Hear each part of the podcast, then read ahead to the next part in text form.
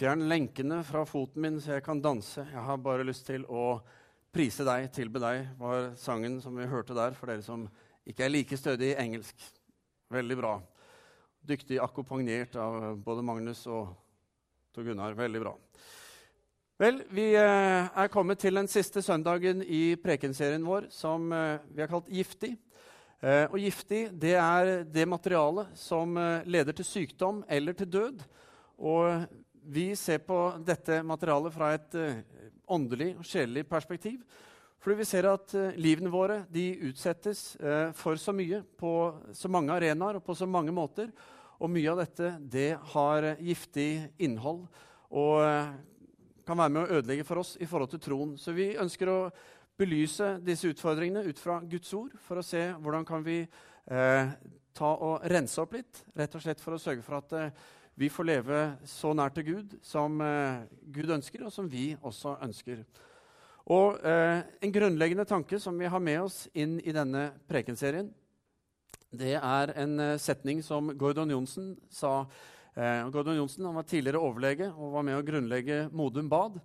Og Han sa noe så klokt som at eh, det vi får bevisstgjort, kan vi ofte gjøre noe med. Det vi ikke får bevisstgjort, det gjør alltid noe med oss. Så langt så har vi snakket om giftig påvirkning, vi har snakket om giftige ord, giftige tanker. Og Sist søndag så snakket Thomas om dette med giftige relasjoner.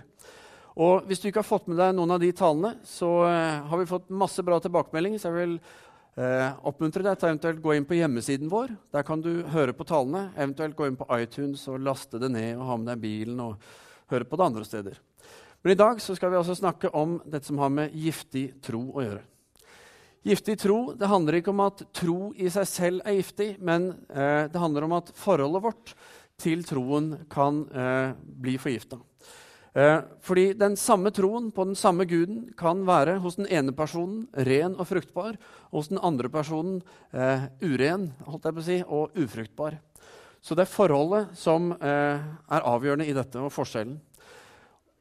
Og når troen vår formes av en levende, daglig relasjon med Gud, basert på hva Jesus har gjort for oss, og når troen er åpen og lyttende til å høre etter Guds ledelse ved Den hellige ånd, ja, da har troen gode kår i livene våre. Da formes troen nettopp av en levende relasjon hvor eh, viktigst av alt Gud er størst. Og når Gud får være størst, da får vi en tro som setter oss i frihet, og som har evnen til å sette andre mennesker rundt oss i frihet. Når troen derimot formes eh, i tillegg av en eh, av våre egne preferanser, våre egne holdninger og erfaringer og tradisjoner, så vel som relasjonen med Gud, så er det alltid et spørsmål om hvem er det som vinner. Hvem er det som blir størst? Er det vi med vårt, eller er det Gud med sitt? Hvem er det vi lytter til? Historien den viser at eh, veldig ofte er det vi som vinner den kampen der. Og Grunnen til det er fordi eh, over tid så blir det så vanskelig for oss å skille hva er det som er vårt, og hva er det som er Guds. For det føles som om det alltid har vært sånn. Og så ender vi opp med noe som blir usunt i møte med andre. Fordi eh, det, har, eh, det, blir religiøsitet av det. Det blir eh, bud og regler og bånd som både preger oss, og som preger de vi gir det videre til. Derfor kunne vi kanskje sagt at temaet i dag eh, like gjerne kunne hett giftig religiøsitet. Men vi valgte å kalle det giftig tro fordi vi ønsket at det skulle oppleves personlig ønsket at eh, vi ikke skulle si religiøsitet det er ikke oss, det er noen andre. Dette er ikke relevant for meg. Fordi vi tror nemlig at dette er noe som eh, gjelder oss alle, hver en, i større eller mindre grad. Og hvis ikke det gjelder deg, så må du spørre hvorfor er du den eneste i historien, og også ut ifra hva Bibelen sier, som ikke rammes av dette. Og Spørsmålet blir derfor er jeg villig til å gå i meg selv, til uh, å se på min egen tro, mine egne holdninger og uh, tradisjoner som jeg går og bærer på. Og et, er jeg villig til å ta et oppgjør med dette? Der hvor jeg finner giftig materiale. Og så er det viktig å vite det at det er alltid lettere å identifisere giftig materiale hos andre. Men det er hos, hos oss selv vi trenger å ta dette oppgjøret. Jeg tror vi alle kjenner til hva giftig tro kan være.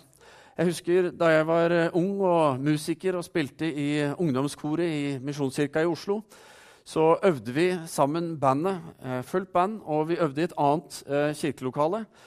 Og der eh, kom det inn eh, et par mennesker som eh, kom bort til oss og kjefta oss huden full og ga oss det glatte lag fordi eh, djevelen bodde i stortromma. Eh, utrolig at det fantes ennå. Jeg trodde det var utdødd, men det levde i beste velgående der. Eh, djevelen levde i stortromma.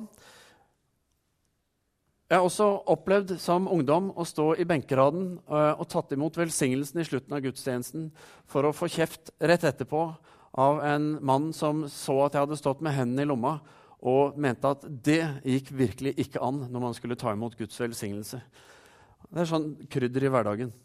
Eh, jeg har også fått høre at eh, når jeg var med og sang i en kvartett sammen med min far, min tremenning og hans far, Eh, så kom det et par eh, damer til oss bort eh, etter gudstjenesten til meg og tremenningen min. Så sa du, vet du hva, vi kunne ikke glede oss og bli velsignet av den sangen dere hadde, fordi vi så at dere hadde langt hår og hestehale. Poenget er når kulturen vår, når preferansene våre og holdningene våre kommer inn og begynner å diktere troen og trosopplevelsen, så blir det giftig. Jeg har akkurat lest gjennom apostlenes gjerninger, og vi ser der at blant de første kristne så skjedde det også. Eh, det var mange jøder som kom til tro. Og eh, Vi ser i Apostlenes gjerninger 15 at det var noen jøder som hadde tatt med seg sin forkjærlighet for Moseloven, altså buden og alt dette, inn og blandet det med denne eh, troen som eh, var på Jesus. Og Da eh, gikk de rundt og så sa de, hvis dere ikke følger den skikken vi har fra Moses, og lar dere omskjære, så kan dere ikke bli frelst.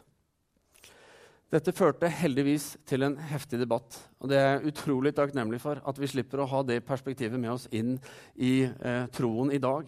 Jeg mener, Det er vanskelig nok å få menn til å komme i, Guds, komme på, i kirka og gå på gudstjeneste eh, om ikke vi skulle ha dette vedhenget i tillegg. Eh, heldigvis så gikk apostlene imot dette og sa dette, sånn er det ikke. Og de sa da eh, noen vers senere vi har hørt at noen fra oss har forvirret dere med sine ord og gjort dere urolige. Og så bekrefter de bare at dette er liksom ikke en del av læren. Eh, men disse tingene skjer når vi overstyrer det som er fra Gud, med det som er fra oss selv. Og Jo dypere røtter dette får i tradisjonene våre, kanskje til og med blir vedtatt som sannheter, jo vanskeligere blir det for oss som kristne og som menighet å formidle en levende, sann Gud som elsker alle mennesker på jord, og da blir det vanskelig å formidle det til våre venner, våre naboer, våre kolleger, familie osv. For den kristne troen er ikke et sett med regler og bud. Det er ikke snakk om et hvordan som skal vise oss vei som troende.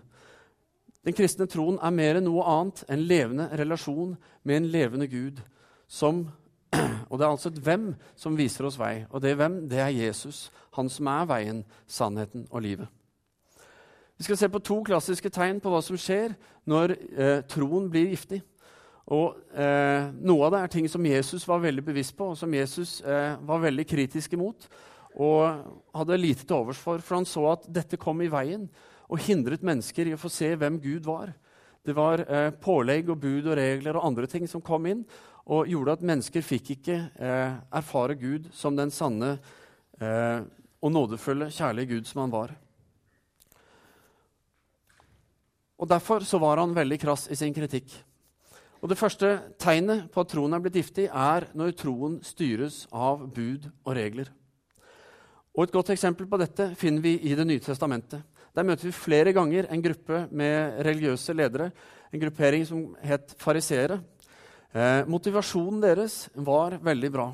De ønsket virkelig å leve etter de ordninger som Gud hadde gitt. Og de ønsket å lede andre mennesker inn i det samme. Men dessverre så hadde det gått altfor langt for dem over lang tid. Eh, og det som skjedde var at De hadde lagt til stadig nye bud for å prøve å gjøre det enda klarere hvordan vi mennesker skulle leve. Og Så endte de opp med en gavepakke på hele 613 bud som alle skulle leve etter, dem selv inkludert. Helt urealistisk, men intensjonen var bra. Og Problemet var jo nettopp det, at dette var urealistisk. Men allikevel så valgte man å holde budene høyt. Så høyt at budene kom foran mennesker og menneskers eh, vei til Gud.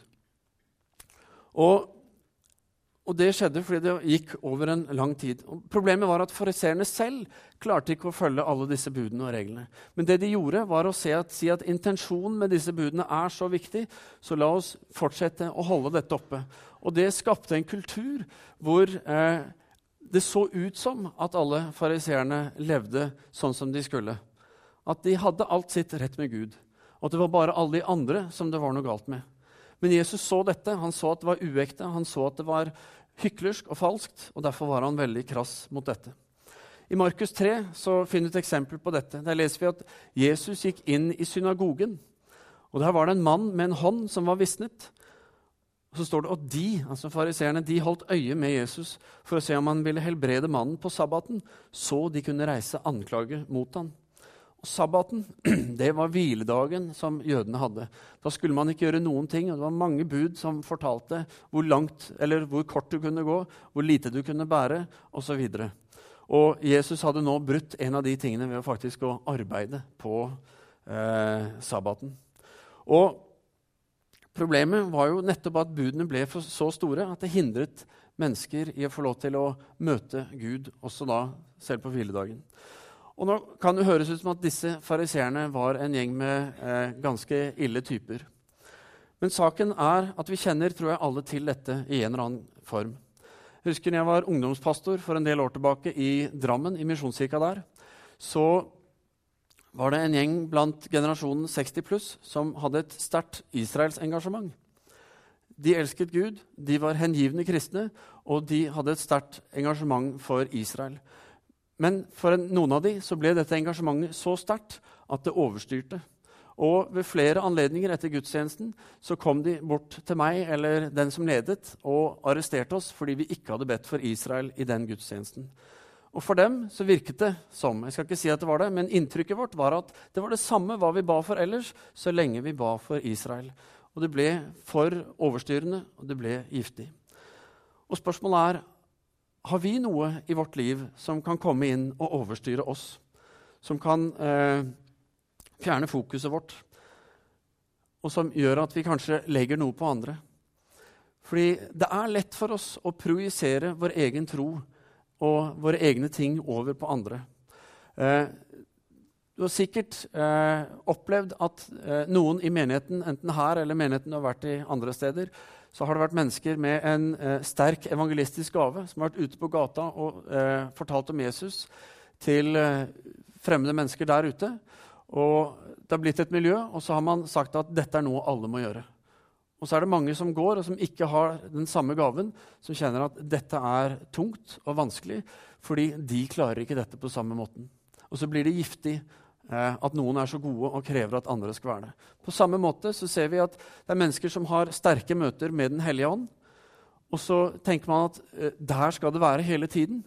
Og så blir det satt en standard eller en sånn tanke om at man skal liksom oppleve ting så sterkt at eh, andre våger ikke å nærme seg Den hellige ånd. Og så blir det for dem giftig, for de tør ikke gå inn i dette. For de ikke, vet ikke nok om det. Eller så er det de mange som har villet utforske Gud, søke Han og har kommet til kirken, men har opplevd at eh, de er nødt til å være som de kristne, leve som om de var troende, for å høre hjemme, for å finne plass, for å kunne søke videre. Og det er jo helt urimelig. Det vi trenger som menighet å gjøre, det er jo å tilrettelegge for dem. Vise nåde, omsorg og barmhjertighet. For jeg mener, Hvis ikke vi gjør det, hvem kommer da til å gjøre det?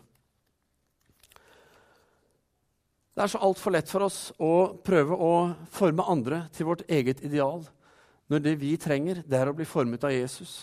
Formet av hvordan han møtte mennesker, hvilken kjærlighet han hadde. Hvordan han klarte å lede mennesker både til kjennskap om Gud og også til fellesskap med Gud. Eh, og her har jeg selv måttet gå flere runder. Fordi eh, stadig vekk har jeg opplevd at eh, jeg har ikke tillatt nåden å gjelde meg og til og med også andre mennesker rundt meg. Vet ikke om du har opplevd det samme, at det er ting i livet ditt eller i andres liv som gjør at du tenker nei, her går en grense. Eller det er oppførsel eller andre ting hos deg selv eller andre som gjør at nei, Guds nåde gjelder nok ikke for meg. Dette er for galt, det jeg gjør. Vel, jeg har i hvert fall eh, gjort det flere ganger. Avskrevet meg selv og også andre. Og hatt holdninger som har bundet og hindret andre i å få erfare Guds nåde på samme måte. Og det det forteller meg, det er at jeg trenger nåde. Jeg trenger å se og lære nåden på ny så ofte som mulig, hver dag aller helst. Fordi nåden må være størst. For oss her i Misjonskirken så er nåden en verdi. Og vi sier at vi vil eh, streve etter å ta imot. Vi vil leve i, og vi vil formidle Guds nåde eh, med livene våre. Og da trenger vi en Gud som er større enn oss selv. Og vi trenger også en god porsjon med ydmykhet i forhold til våre egne erfaringer, tradisjoner og holdninger. Fordi det er så viktig at nåden får være størst. Fordi det er den som eh, fører oss til Gud. Det er ikke våre egne ting. Det andre tegn på giftig tro det er når det handler om meg, først og fremst. Et godt eksempel på dette finner vi i Gamletestamentet, i Dommernes bok, kapittel 17. Der treffer vi en uh, israelitt som het Mika. Uh, og han som israelitt uh, var en del av Guds folk. Og som Guds folk så skulle de vise nasjonene rundt hvem Gud var. De skulle synliggjøre Gud på en best mulig måte. Og en av måtene de gjorde det på, var å ikke lage gudebilder, for det gjorde alle andre på den tiden. Lagde sine egne guder og tilba dem. De skulle ikke gjøre det, men de skulle heller komme sammen i synagogene jevnlig og tilbe en levende Gud der. Eh, men vi ser om Mika at han valgte å lage et gudebilde. Han støpte det i sølv, og i tillegg så lagde han et gudshus til dette gudebildet. Og han ønsket også en eh, prest. Eh, så derfor innsatte han en eh, en av sønnene sine som prest. Vi har kommet litt langt i punktene her. Kommer snart til punkt to. Eh, hvis du ble litt forvirra. Men vi er på punkt én ennå. Men han innsatte altså sin egen sønn, en av sønnene sine, som prest. Så han hadde sin egen lille synagoge, om du vil, eller kirke. Og eh, dette var sikkert fint for han. Passet han eh, helt sikkert eh, bra. Men det som vi ser, er at når det kom en annen eh, prest, en ordentlig prest, en levitt, på besøk til byen, så gikk Mika på han, og så sa han du må komme til meg, til mitt gudshus, og så må du være som en prest og som en far for meg. Og så ansetter han da på en måte denne levitten til å komme og være prest for han. Kan du tenke deg noe, Der har du et nytt konsept. Personlig prest. Ikke sant? Du betaler, vi presterer. Dette går veldig bra. Men vi ser i vers 6 i eh, Dommernes bok 17 så står det at hver mann på denne tiden hver mann gjorde som han selv fant for godt. Og Mika han konkluderte på en måte, etter alt det han hadde tilrettelagt, at nå måtte ting være ordentlig. Vers 13 så leser vi Nå vet jeg at Herren vil gjøre vel mot meg, siden jeg har fått en levitt til prest. Problemet var at Mika hadde latt alt handle om seg selv, og han søkte å tilrettelegge alt etter sånn han ville ha det. Jeg trekker tilbake det jeg sa om at vi ikke var på punkt to, for det er vi jo selvfølgelig. Mika han lagde sin egen gud, han lagde sitt eget gudshus, og han ansatte sin egen prest, og alt handlet om ham. Bibelen sier ikke så mye om hvorfor han gjorde det, annet enn at alle gjorde det de selv fant for godt. Men kanskje Mika syntes at det var for langt å gå til synagogen, som var praktisk å ha noe sånn rett ved siden av huset. Kanskje han eh, ikke var så glad i hvordan de hadde gudstjenestene i synagogen. Kanskje han eh, var litt sånn introvert og enstøing, han likte ikke alle disse andre menneskene og det å forholde seg til dem. Kanskje likte han ikke musikken. Kanskje han tenkte at kor det kan jeg akseptere, men disse nymotens harpene og lyrene det blir å ta det steget for langt.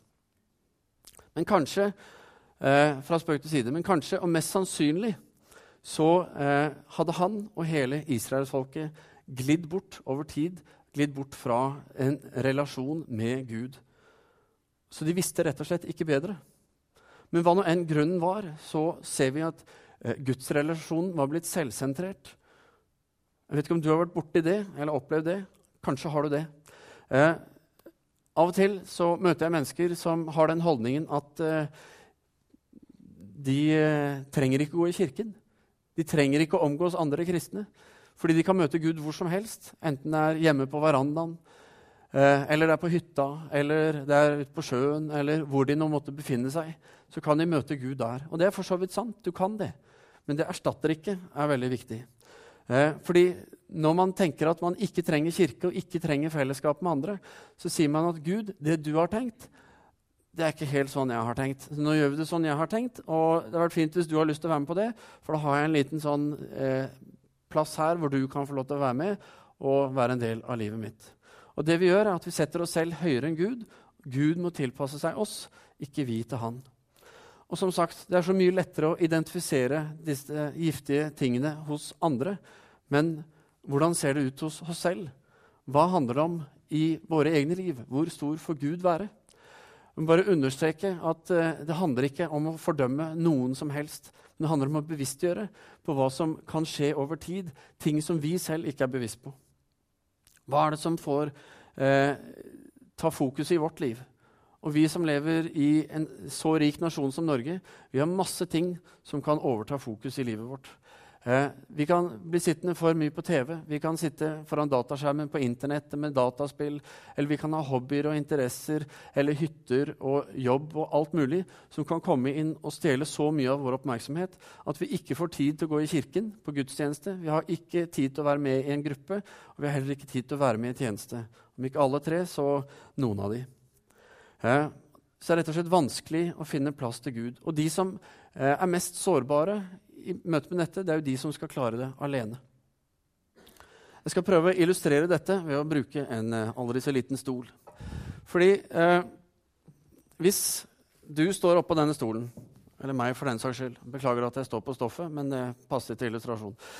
Eh, hvis du står her oppe, og det står en ved siden av deg, hva vil være enklest for deg å dra vedkommende opp, eller for den som står ved siden av deg, å dra deg ned? Vel, Mest sannsynlig så vil det være lettere for den som står nede, å dra deg ned. Hvorfor? Jo, rett og slett pga. tyngdekraften. Vil gjøre det mye enklere. Og Derfor blir dette et godt bilde på rammer som troen vår har. Fordi tyngdekraften i samfunnet den er ikke oppover mot Gud, den er nedover og vekk fra Gud. Og Derfor er det viktig at vi i livene våre sørger for at vi har nok rammer og personer som er med på å løfte oss opp slik at troen vår og livene våre får de beste rammene. For all del, jeg sier ikke at du ikke skal omgås ikke-kristne, ikke-troende. For all del, gjør det. Ha de i livet ditt. Men vær bevisst på at du har nok mennesker som er med på å løfte deg opp. Husker når jeg studerte teologi, så jobbet jeg på si på en bensinstasjon. Deltidsansatt der. Og han som var sjef der, han hadde klart for seg at 50 av hans deltidsansatte, som jobbet da kvelder eller helger eller nattevakter, de skulle være teologistudenter. Og det var bra for meg, for da fikk jeg jobb. Og sikkert ikke fått det hvis ikke ellers.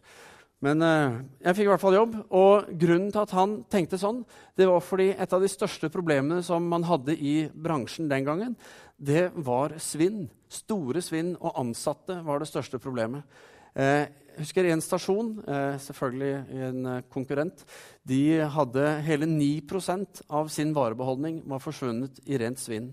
Og det er ganske betydelig hvis du skal prøve å drive business. Men han tenkte det, sjefen min, at hvis han hadde halvparten av deltidsansatte var teologistudenter, så eh, så han for seg at, disse hadde, at vi hadde en høyere moralsk standard som var med på å heve den generelle moralske standarden i bedriften. Og han gikk år etter år etter år, og gjør det sikkert ennå, med, uten noe svinn, rett og slett pga. dette. Men det å sørge for større oppdrift i livet enn det det er nedtrekk, det er viktig for at vi skal kunne bevare en sunn og levende tro. For hvis vi holder oss borte fra gudstjenestene, ikke er med i en gruppe, ikke får lov å bruke gavene våre i tjeneste, så er det ikke rart at vi kan komme til å slite. Fordi det å delta i tilbedelse, det å eh, lytte til og få eh, forkynnelsen. Eh, dette som er i gudstjenesten, dette er viktig for oss. Det å være med i en, gruppe, en mindre gruppe med andre mennesker, hvor vi kan dele tro og liv sammen, be for hverandre, ansvarliggjøre hverandre, løfte hverandre opp, det er viktig for oss. Å bruke sine evner, gaver, nådegaver i tjeneste for Gud, det er også viktig for oss. Og vi trenger dette for å vokse og utvikle oss som kristne slik at Gud stadig kan vise oss mer av hvem han er, og vi kan komme nærmere han. Men hvordan er det Gud ønsker da at vi skal leve? Vel, For det første så tror jeg at noe Gud ønsker for eh, livene våre, det er regelmessighet. Og han tilrettelegger for det, leser vi i Bibelen. Eh, som jeg beskrev innledningsvis, når troen formes av en levende, daglig relasjon med Gud, basert på eh, det Jesus har gjort for oss, ja, da får troen gode kår. Vi leser om de første kristne, at de møttes daglig på tempelplassen. Og de hadde en daglig relasjon med Gud, både gjennom Bibel og bønn og forkynnelse osv. Men så er det sånn at for noen av oss i vår tid så er det sånn at en gudstjeneste kanskje av og til er noe vi kan få til. Og, da, og det er det eneste vi har. Og da får vi en sånn der, litt sånn vanskelig forhold, fordi Gud kanskje blir bare en sånn brannslukningsapparat som vi bruker av og til når ting blir vanskelig, fordi vi mister noe av den viktige, levende relasjonen. Regelmessighet er den beste måten vi kan skape gode og sunne rammer for troen. Det å ha tid til å tilrettelegge for eh, tid med bibellesning og bønn er viktig. Begynn i det små. Ikke sett for store krav til deg først, men kom i gang på det små, i det små. holdt jeg på å si. Gå på gudstjeneste. Og gjør det hver uke om du kan. For det skjer noe på gudstjeneste som ikke skjer i hverdagen din ellers. Og kan du ikke være der, så gå inn og hør og få med deg forkynnelsen, om ikke noe annet. Eh, og eh, vær med i en gruppe. Og så, vær med i en gruppe som aller helst møtes minst annenhver uke. For denne regelmessigheten, det å få lov å ha puls, det pulsslaget i livet, er så viktig for oss. Eh, vær med i tjeneste, og sørg for at du får være med minst en gang i måneden. Gjerne oftere. Fordi det er noe med å bli brukt av Gud og få lov til å være med og bety noe for andre. Det er veldig viktig for oss. Vær med og ta eierskap i menigheten. Eh, vær med i givertjeneste. Vær med i bare de praktiske oppgavene som det er å drive menighet. Jetro, f.eks. Der kan du møtes fire ganger i året vaske litt, være med og tilrettelegge for eh, gudstjenestene. Sånn som kollektøren i dag er med i Jetro. Regelmessighet og gode vaner er med å bygge viktige rammer for troen vår. Fordi fellesskapet er viktig med hverandre. og Det å dele tro og eh, gjøre det sammen med andre. For det andre så er ekthet noe som Gud ønsker for oss, og som vi tror jeg ønsker for oss selv. At troen skal være ekte. Og vi leser i Jesaja 29 at Gud tar et lite oppgjør med israelsfolket fordi troen var ikke lenger ekte. Han sier, 'Dette folket kommer nær meg med munnen og ærer meg med leppene.' 'Men hjertet det er langt borte fra meg, og den frykt som de har for meg, er et tillært menneskebud.' Og Hvis du vil ha en, gift, nei, en definisjon på hva giftig tro er, så har du dette verset i Jesaja 29.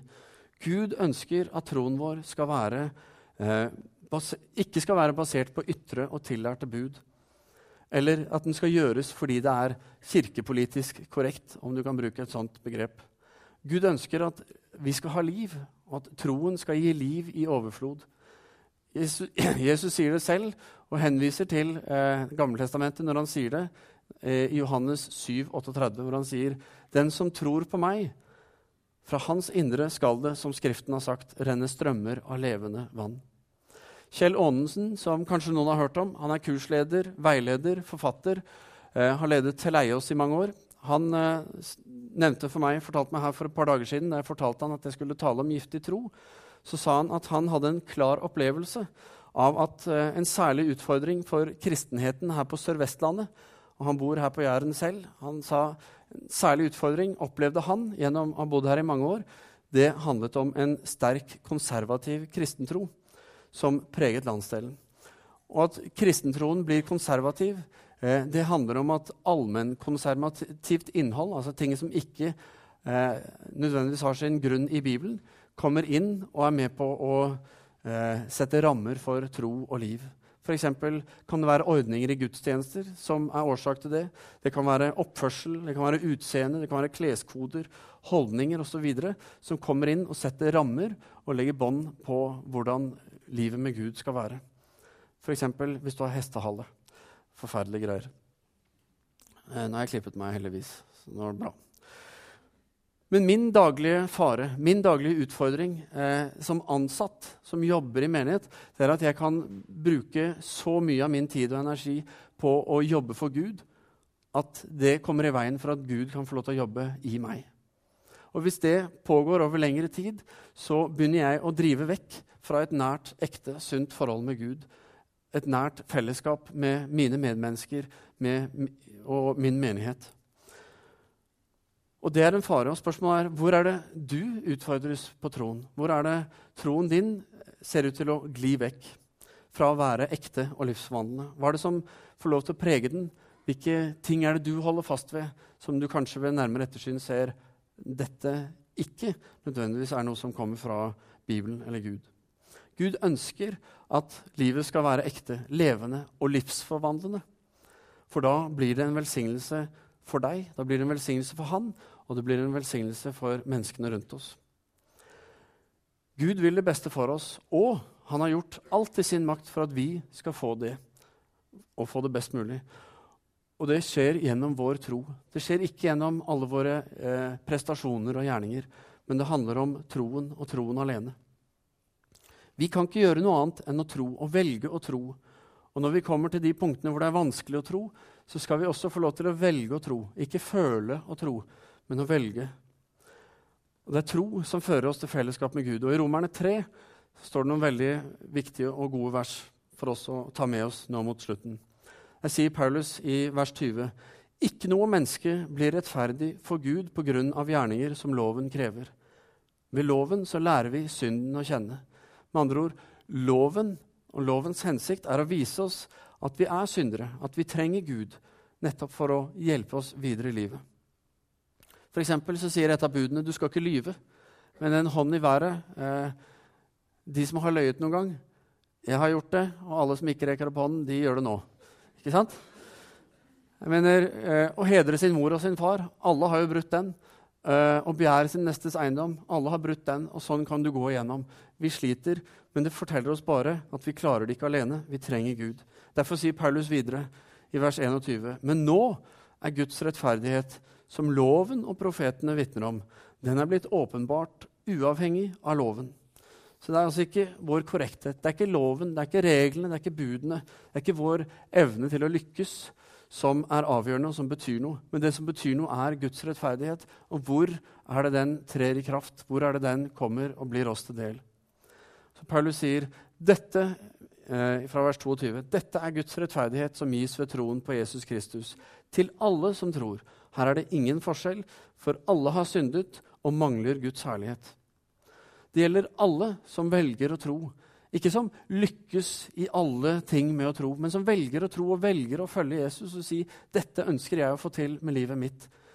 Da er Guds rettferdighet noe som gis oss. Og det gis, som vi leser i vers 24, ufortjent og Hans nåde, så blir vi kjent rettferdige, frikjøpt i Kristus Jesus. Og Det var derfor korset var nødvendig. Det var derfor, eh, fordi vi skulle bli kjøpt fri fra døden, fra straffen som synden bar med seg. Og dette er det Gud frelser oss fra. I Bibelen så finner vi bildet på Gud som en konge. Eh, også som kongenes konge eh, omtales han. Og når Jesus hang på korset, så hang Pilatus en innskrift over han hvor det sto 'Dette er jødenes konge'. Og når Gud erklærer oss for rettferdige, så er det ikke i bildet som vi ofte har sett på film eller video eller TV, eller hva det måtte være, mot kongen som er nådig mot denne fattige undersåtten. Og med en gang han har sagt 'greit, jeg tilgir deg', eller 'jeg ser i nåde til deg', så er det 'men kom deg ut, nå er du til bry for meg'. Ikke sant? Neste, vær så god. Det er ikke en sånn måte Gud rettferdiggjør oss og møter oss med sin nåde. Nei, det han gjør, er at han tar av seg sin krone og setter den på vårt hode. Ikke for at vi skal overta jobben med å være Gud, men for at vi skal få del i alt det som er hans, og få lov til å leve livet fullt og helt sammen med han. David snakker om dette i Salme 103, hvor han sier, 'Han frir ditt liv fra graven og kroner deg med godhet og miskunn.' Han setter sin krone på deg. Det beste du kan gjøre for Gud, det er å omfavne det han har gjort for deg. En fantastisk setning. Hvis du kjenner til The Message, en oversettelse av deler, en stor del av Bibelen, så finner du i Romerne 12 den setningen. Det beste du kan gjøre for Gud, er å omfavne det han har gjort for deg. Omfavne med gode vaner. Omfavne med regelmessighet. Og gjør det med et helt og søkende hjerte. Og så får troen vokse og være sunn. Og så blir troen ekte, og så blir den livsforvandlende. Og så blir den akkurat det vi trenger. Og så er det noe vi får lov til å ta med oss videre i hverdagen. Skal vi be. Kjære himmelske Far, vi takker og priser deg, Herre, for at uh, du er den som rettferdiggjør oss. Du er den som uh, uh, tar oss bort fra det vi ikke klarer selv. Som pga. din nåde løfter oss opp og sier at vi er rene, vi er rettferdige.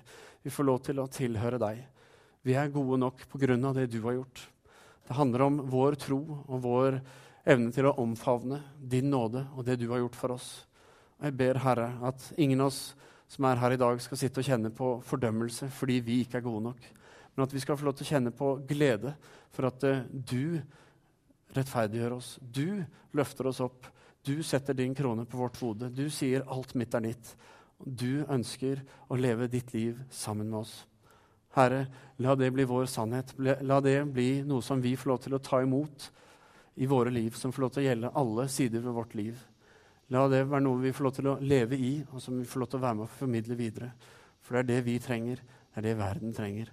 Herre, takk for at du har gitt oss alt. Vi priser deg i Jesu navn. Amen.